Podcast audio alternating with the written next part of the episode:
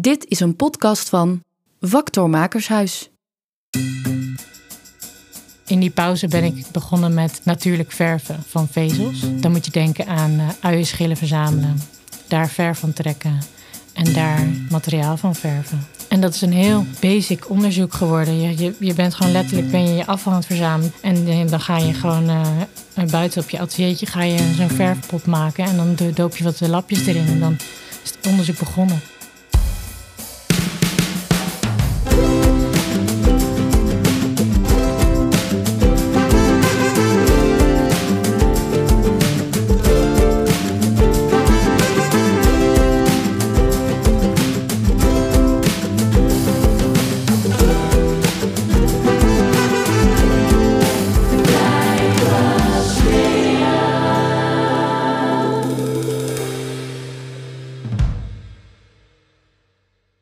Hallo, fijn dat je weer luistert naar de podcast Blijven Smeren. Mijn naam is Mette Bunskoek en ik heb ook deze week weer gesproken met een maker uit de regio Zwolle.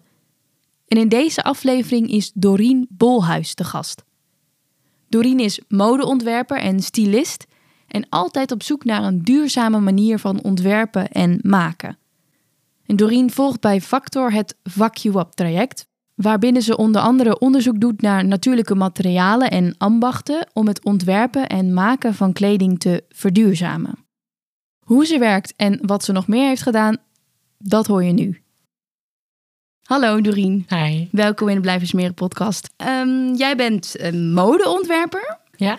En ik vroeg me eigenlijk in het begin af, wanneer weet je dat je modeontwerper gaat worden? um... Nou, dat weet ik eigenlijk niet. Soms moet ik zelfs nog steeds een beetje wennen ook aan dat antwoord. Als mensen vragen wat ik, wat ik doe.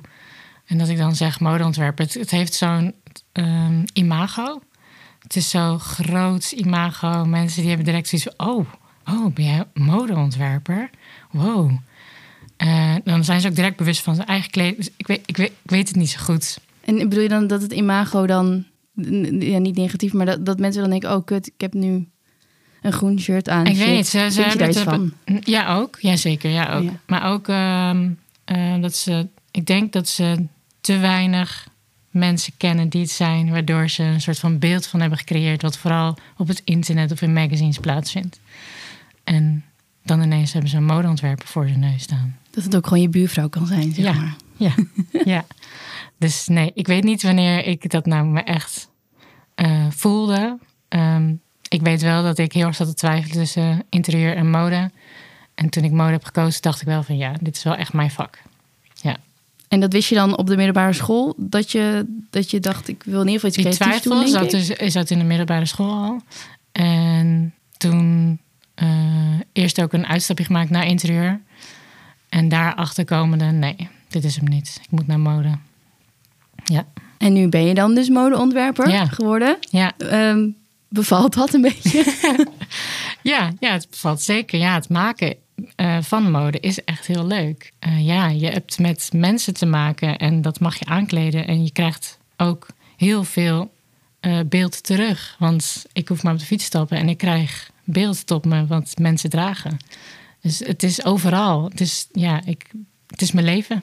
Het is je leven. Ja. Oh, en hoe, hoe uitziet dat dan? Is het dan is het een, is het een manier van leven? Of? Ik ben. Ik zie gewoon ook onbewust heel veel. Ik ben me ervan bewust dat ik in een stad woon die, waarin minder uitgesproken kleding wordt gedragen. Um, maar ik weet ook dat er anders mogelijk is. Dus ik, ik, ik heb daar verder niet echt een oordeel verder over. Ik zie het vooral. En wat doe je daar dan mee als je het ziet? Ja, je hebt er geen oordeel over, maar. Ik observeer het en ik trek daar een conclusie uit. En dat is het dan. En neem je dat dan mee in ontwerpen die ja, je maakt? Ook wel, ja. En ja. hoe gaat zo'n proces van het ontwerpen van een kledingstuk dan bij jou? Nou, dat heeft eigenlijk een andere start dan het individu wat ik dan aan wil kleden. Dat begint bij mij echt bij de duurzaamheid. Um, ook omdat uh, ik denk dat de meeste mensen wel weten dat mode echt wel een vervuilende industrie is. En op den duur kwam ik erachter van deze, dit, dit is niet mijn omgeving omdat dat er is. Dus op dit, ik kon eigenlijk alleen nog maar verder binnen mode werken als ik dat mijn startpunt zou nemen. Duurzaamheid. Dus dat is mijn startpunt. Ik ga altijd vanuit En in mijn geval een patroon. Een patroon is iets wat je dus uit je stof knipt. Die wil ik zo duurzaam mogelijk hebben. Dat is mijn beginpunt. En je zegt al, er zijn in, in de, het is een vervuilende industrie. Dus er zijn heel veel patronen die al bestaan, die natuurlijk dan vervuilend zijn. Ja. Hoe kom je dan tot een patroon wat dat niet is? Want ik kan me voorstellen dat je veel versnijverlies en dat soort Ja. dingen hebt. Ja, normaal is het in de industrie is het 15%. Wat eigenlijk vooral neerkomt op, op massa maken. Dus als je massa maakt, dan kun je inderdaad heel veel patronen naast elkaar leggen. Een, een stofbreedte is vaak 1,40 meter. Die sla je dubbel. En dan knip je de helft van een t-shirt. Ik neem altijd t-shirt als uitgangspunt. Eh, knip je de helft van een t-shirt daarop uit. Omdat je, dan, omdat je hem dubbel hebt geslagen, heb je dus eh, keer twee. Dus dan heb je één patroon, één t-shirt. En als je massa maakt, dan kun je bijvoorbeeld ook alle mouwen 80 keer naast elkaar leggen. En dan kun je het beter in elkaar puzzelen. En dan heb je dus 15% afval. Maak je er één, dan heb je veel meer afval. En ik heb dus bij één heb ik 3% afval.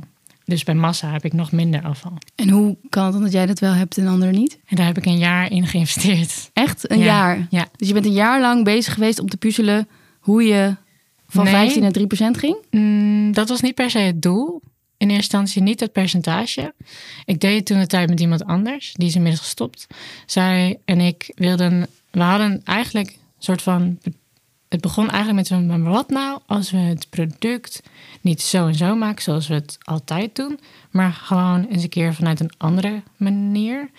Dat zijn we gaan doen. En toen hadden we direct zoiets van... Ja, dit is hem. Maar het kostte een jaar om te perfectioneren. Dus een jaar om wel gewoon ehm, dat je van een afstand het als een t-shirt begrijpt. Ja, het is heel lastig uitleggen, Nou, ik ook, zonder, zonder beeld. Ja. Want ehm, ehm, bijvoorbeeld een kimono, dat is een hele Ja. rechte vorm. Die heeft een, als je hem neer zou leggen, dan zie je de mouwen naar de zijkant gaan en de rest zie je naar beneden gaan. En dat wil je niet bij een t-shirt. Omdat een t-shirt ben je gewend dat het gewoon langs je, armen gewoon langs je lichaam kan houden. En dat het gewoon allemaal mee- mooi meevormt. Zonder dat er heel veel plooien tussen de oksel ook voorkomt. En wanneer je een rechte vorm van de zijkant naar beneden wil duwen, zoals bij de kimono, dan krijg je heel veel plooien in je oksel. En daar zat het hem eigenlijk vooral in. We hadden een vierkant patroon, maar we wilden er wel een rond lichaam in kunnen stoppen. En dat heeft een jaar gekost. Wauw. ja. Dus je bent een jaar lang bezig geweest om dat te perfectioneren. Ja.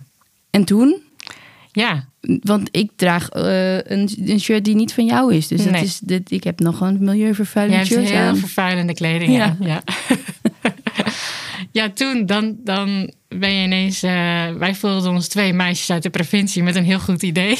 Ja, En ehm, door eh, aanmoediging van de omgeving hadden, eh, hadden we zoiets van... weet je wat, fuck it ook. We gaan het gewoon proberen. Proberen op de markt te zetten. Dus naam verzinnen, eh, branding verzinnen, doelgroep verzinnen en zo verder. En uiteindelijk hebben wij een Kickstarter gedaan. Dat is een eh, manier om crowdfunding binnen te halen. En door de manier waarop wij die hebben opgezet, hadden wij binnen drie dagen ons doelbedrag al gehaald. En moesten we daarna nog een maand draaien. Dus we hebben een flink bedrag opgehaald.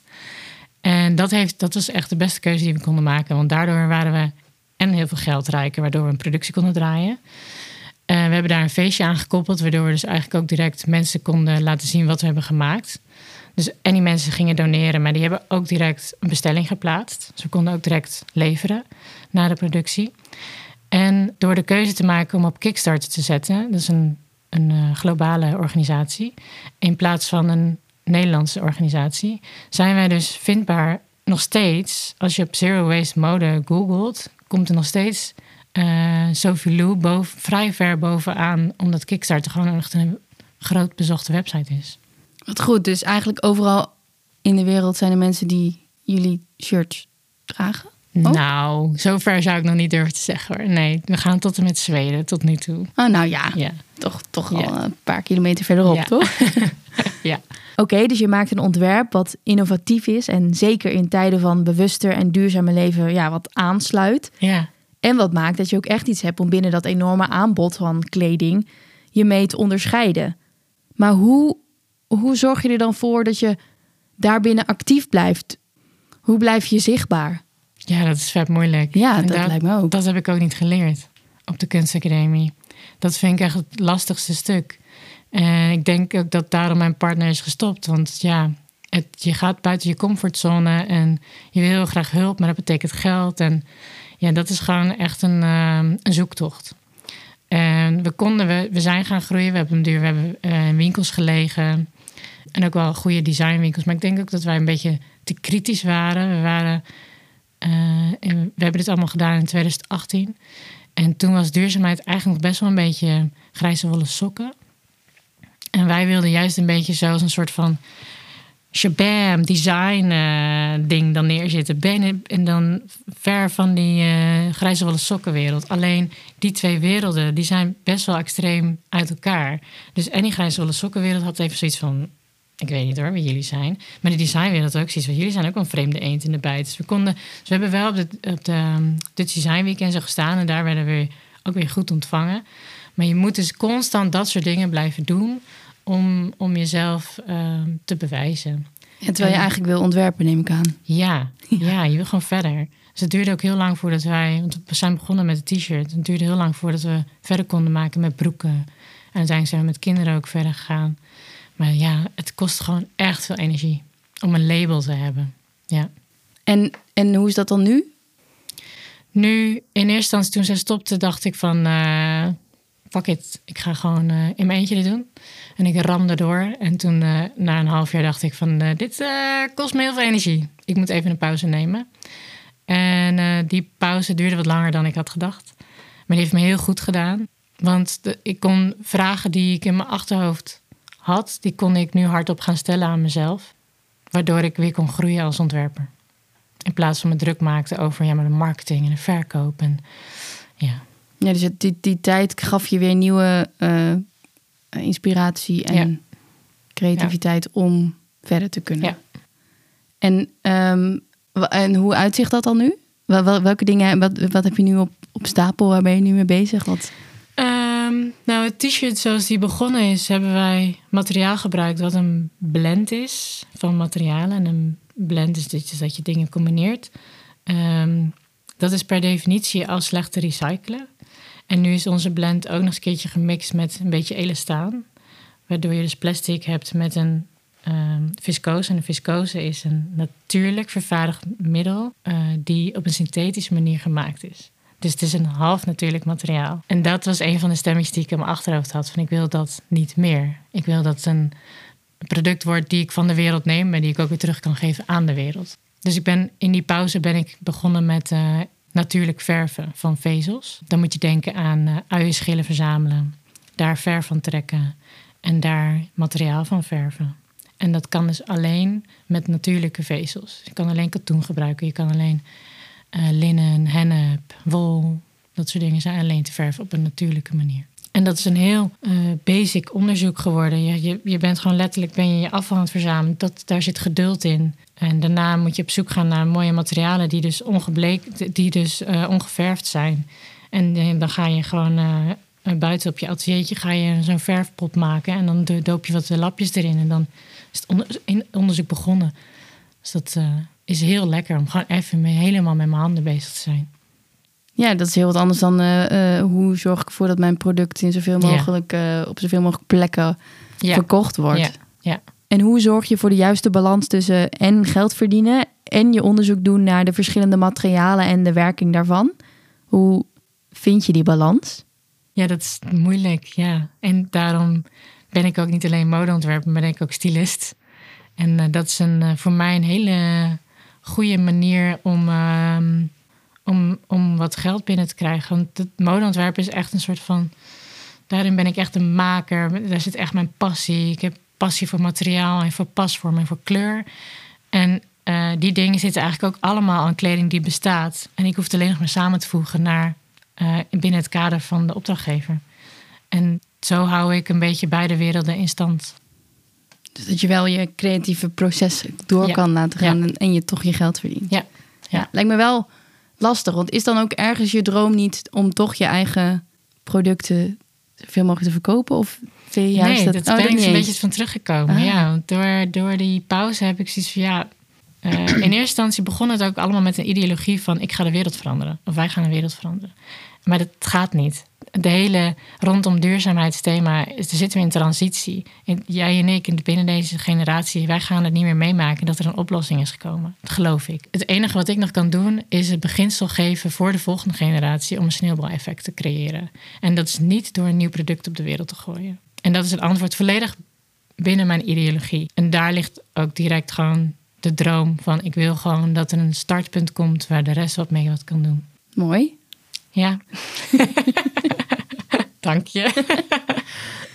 En dat startpunt, hoe creëer je dan dat startpunt? Door Ehm, Dit dus onderzoek weer te doen. terug te gaan. Terug te gaan naar... eh, wat is er nodig om het weer terug te kunnen geven aan de wereld? Waar moet het dan uit bestaan? En ehm, dus echt terug naar een soort van basic textielvorm. Ja. Oké, Ja. ja, nee, helder. En ehm, je doet bij Factor het Fuck You Up traject, Mhm. als ik me niet vergis. Ja. Eh, wat ga je in, in dat traject doen? Ja, dat is een verlengstuk. Ja, dat ja, dat is een verlengstuk van, ehm, van dit eh, onderzoek. Eh, die natuurlijke verf, daar ging ik helemaal op aan. Maar toen de zoektocht begon naar natuurlijk materiaal om te verven, toen dacht ik ja. En nu ga je weer bij leveranciers zoeken die ook niet allemaal weten waar het vandaan komt. Het komt soms ook gewoon uit China, Bangladesh. Gaat alsnog de hele wereld over. Waarom moet het die afstand afleggen? Kan het niet gewoon hier in Nederland? En ik wist dat er een, ehm, een project loopt in Arnhem waarbij linnen wordt verbouwd. Zoals vroeger linnen werd verbouwd in Nederland. Of eh, Enschede is bijvoorbeeld een textielstad. We hebben in het oosten van het la- land is veel linnen verbouwd in het verleden. Maar het is helemaal vanwege, ik denk economische redenen, is het gewoon verplaatst naar een ander deel van de wereld. Maar ehm, dat is zonde. Dat is kennis die verloren is gegaan. Eh, ik vind het ook echt een heel inspirerend project. En je komt tegen dat je afhankelijk bent van seizoenen, van regenwater, van überhaupt regen. Ehm, en daarom dacht ik van ja, misschien is er wel meer mogelijk. Wat gebeurt er met de wol van de schapen? Nou, ik weet nu van de gemeente dat het wordt weggegooid. Nou, daar kun je vet veel mee doen. Niet alle Nederlandse schapen zijn geschikt voor kleding. Maar waarom wordt het verbrand? Dat is gewoon zonde. Ehm, dus nou ja, dat is, ik ben dan nog maar net begonnen ermee. Maar daar zit een beetje mijn, mijn richting.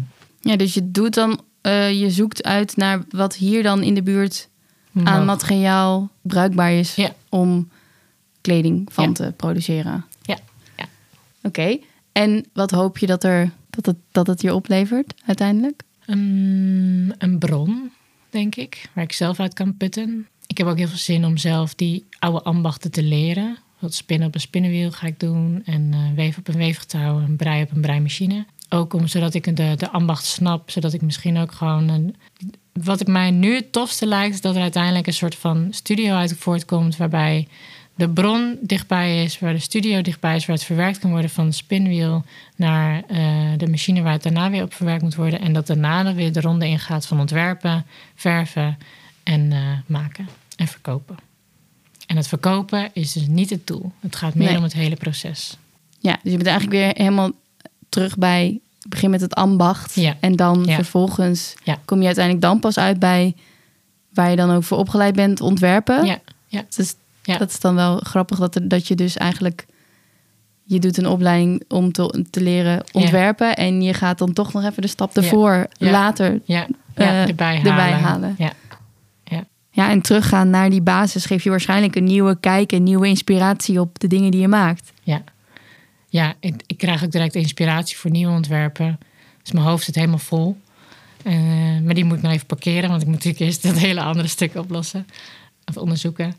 Ehm, ja, ik ben heel blij. Ik ben ook echt heel erg blij dat ik die pauze heb genomen. Ja, anders den je maar door. En ik denk dat op den duur ga je, was ik misschien wel in loondienst gegaan en eh, had ik misschien minder mijn creativiteit zo persoonlijk kunnen trekken.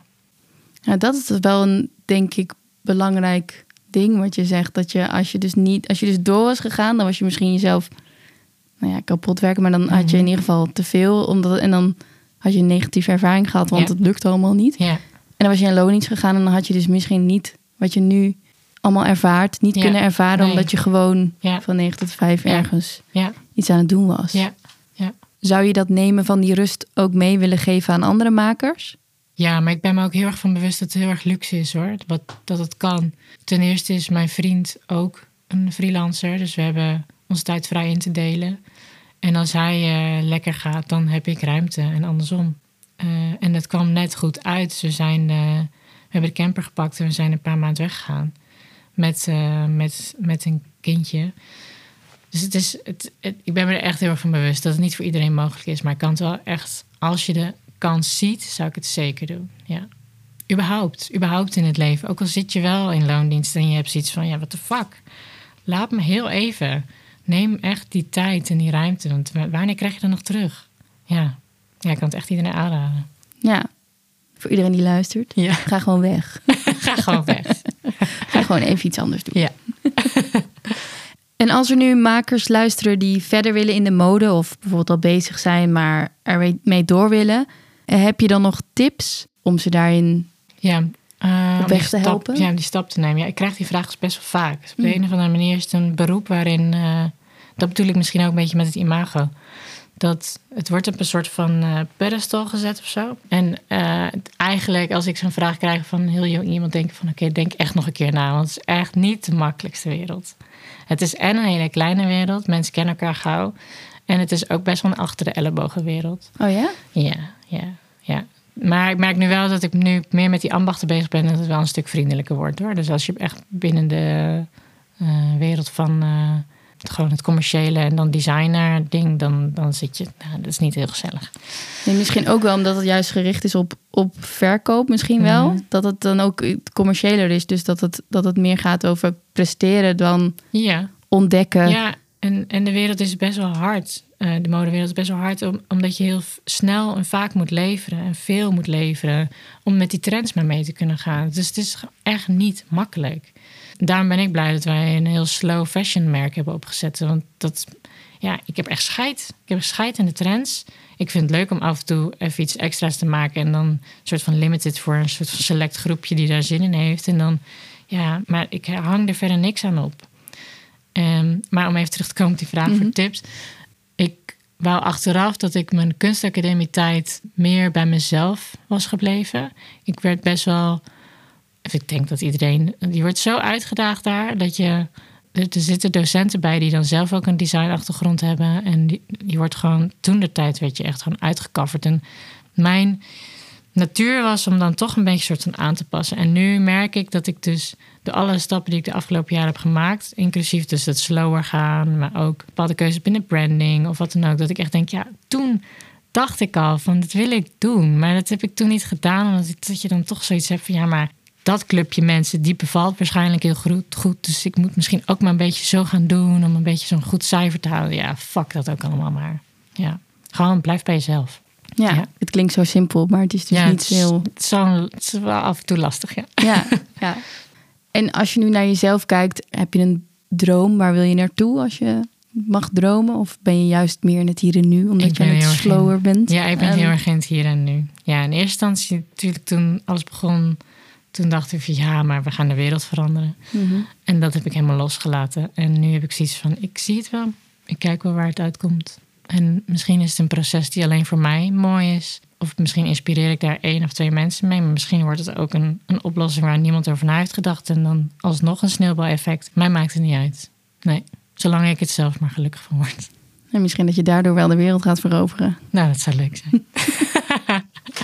En je zei net al dat je ook als stylist werkt. Ja. Ehm, hoe ga je als stylist te werk? Mm, ik hou heel van eh typetjes creëren. Typetjes mensen. Oké, En dat is denk ik ook wat, interessant. Ja, dat is denk ik ook wat ik op straat dan vooral zie. Typetjes. Dat ik een soort van, ik ga gewoon allemaal hokjes maken van mensen. Ja, dus dat vind ik heel leuk. Als je dan eh, eh, een kader krijgt van een opdrachtgever, dan ga ik gewoon direct ook al die, dat kader, die ga ik opdelen in al die typetjes. En dan eh, kan, ik daarin, kan ik daarin helemaal losgaan. Dus jij loopt op straat, je ziet mensen en die vallen dan onder een bepaalde categorie. Categorie. Ja. M- Mens, typetje. ja. En welk, wat voor soort typetjes heb je dan allemaal? Als je een paar voorbeelden mag Nou, je hebt eh, trashy, ordinair. ehm, je hebt eh, preppy, dat is een beetje zo eh, de Ralph Lauren en de bootschoentjes. Ehm, je hebt skates met skateboard natuurlijk, waar je de broeken comfortabel zijn. Ehm Hip-hop is dan weer anders, maar ook wijd anders, eh, andere uitstralingen en, en ga zo maar door. Ah, en doe je dan, doe je dan eh, veel stylistenwerk voor magazines en fotoshoots en dat soort? Ik weet echt helemaal niet hoe Nee, dat, dat, dat werkt. vooral allemaal. commercieel. Ah, Ja, Ja. ja. Nee, want voor magazines krijg je bijna niet betaald. Ah, ah. Ja, nee, niet doen. Nee, Goed om te weten, mocht ik nog een carrière switch maken. nee niet ga niet voor zoeken. magazines werken. Nee, nee, nee, dat doe je vooral voor je portfolio. Wat natuurlijk ook wel, eh, waarin je, je veel meer los kan gaan. Maar ja, ja ik doe stylistenwerk juist om geld te kunnen genereren ook. Ja, en dan gebruik je daarvoor dus die...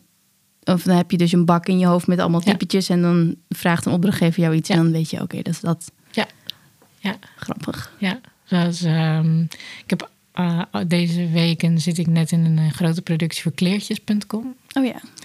Dat is opgekocht door Weekamp. En eh, daar wilde de art director en eh, de kindjes allemaal een soort van eh 90s overload gestaald hebben. Dus kleur met kleur. En alsof de kindjes het ook zelf hadden uitgezocht. Dus dat is voor mij echt heel erg lastig. Want dan moet je niet gaan stylen zoals het klopt. Maar moet je gaan stylen vanuit een kind hun hoofd. Dus dan klopt het vaak niet. Maar vaak, je kan wel een soort van clash maken als stylist. Maar dat het dan niet kloppend moet zijn, dat is heel ingewikkeld. En het moest allemaal afgesteld worden met superveel ringen op één vinger. En hele handen vol haar vol met allemaal eh, knipjes. ehm. dus ja, dat, dan ga ik dus helemaal in dat 90s kindervibe eh, duiken. En daar zit mijn hele hoofd mee vol. En dan zie ik dus ook op straat, ga je dus dat soort dingen ga je zoeken. Dus de duur was ik ook aan het shoppen ervoor. En toen zag ik ineens een kindje met zo'n elastiekje, zo'n gedraaid elastiekje om de pols. Ja. En toen dacht ik, oh ja, tuurlijk, dat, kan, dat kun je ook doen. Dus toen heb ik allemaal scrunchies en allemaal elastiekjes die leuke kleuren hebben, heb ik allemaal verzameld en allemaal om die pols heen gestopt. Dus ja, zo, eh, zo werkt het dan een beetje. Ja, dus je gaat eigenlijk helemaal weer terug naar hoe je als kind voor de kledingkast staat Ja. en denkt: oké, Ja. ik wil deze ro- rok aan die totaal niet past bij dat shirt, maar ja, Ja, ja, ik vind het mooi. ja. Leuk. En ehm, in deze podcast zit een eh, vast item. Dan ga ik nu. Ik, heb, ik- ik probeer altijd bruggetjes te verzinnen, maar die eh, zijn. eh, nou ja, die heb ik niet. helaas. Dus ik gooi hem er gewoon in. Ja. In de podcast zit een item dat heet de gunfactor. Ja.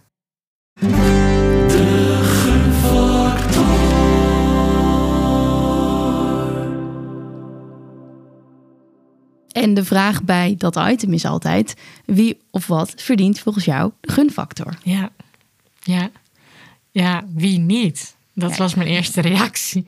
dacht ik echt, oh nee, dan moet ik kiezen tussen mensen die ik allemaal heel erg eh, hoog heb zitten en die ik wat gun.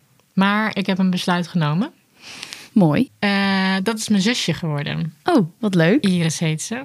Zij helpt mij vaak. Dus het is ook een soort van dankjewel, denk ik. Zij is ook de enige die echt mijn vorm van typetjes bijvoorbeeld en categoriseren helemaal hetzelfde heeft. Dus we hoeven maar één item te pakken en zij snapt direct, oh jij wil die kant op. Of, eh, en ik heb dat ook bij haar. En zij is zelf ook eh, beeldend kunstenaar en zij is bezig nu om een ehm, platform voor kunstenaars op te zetten.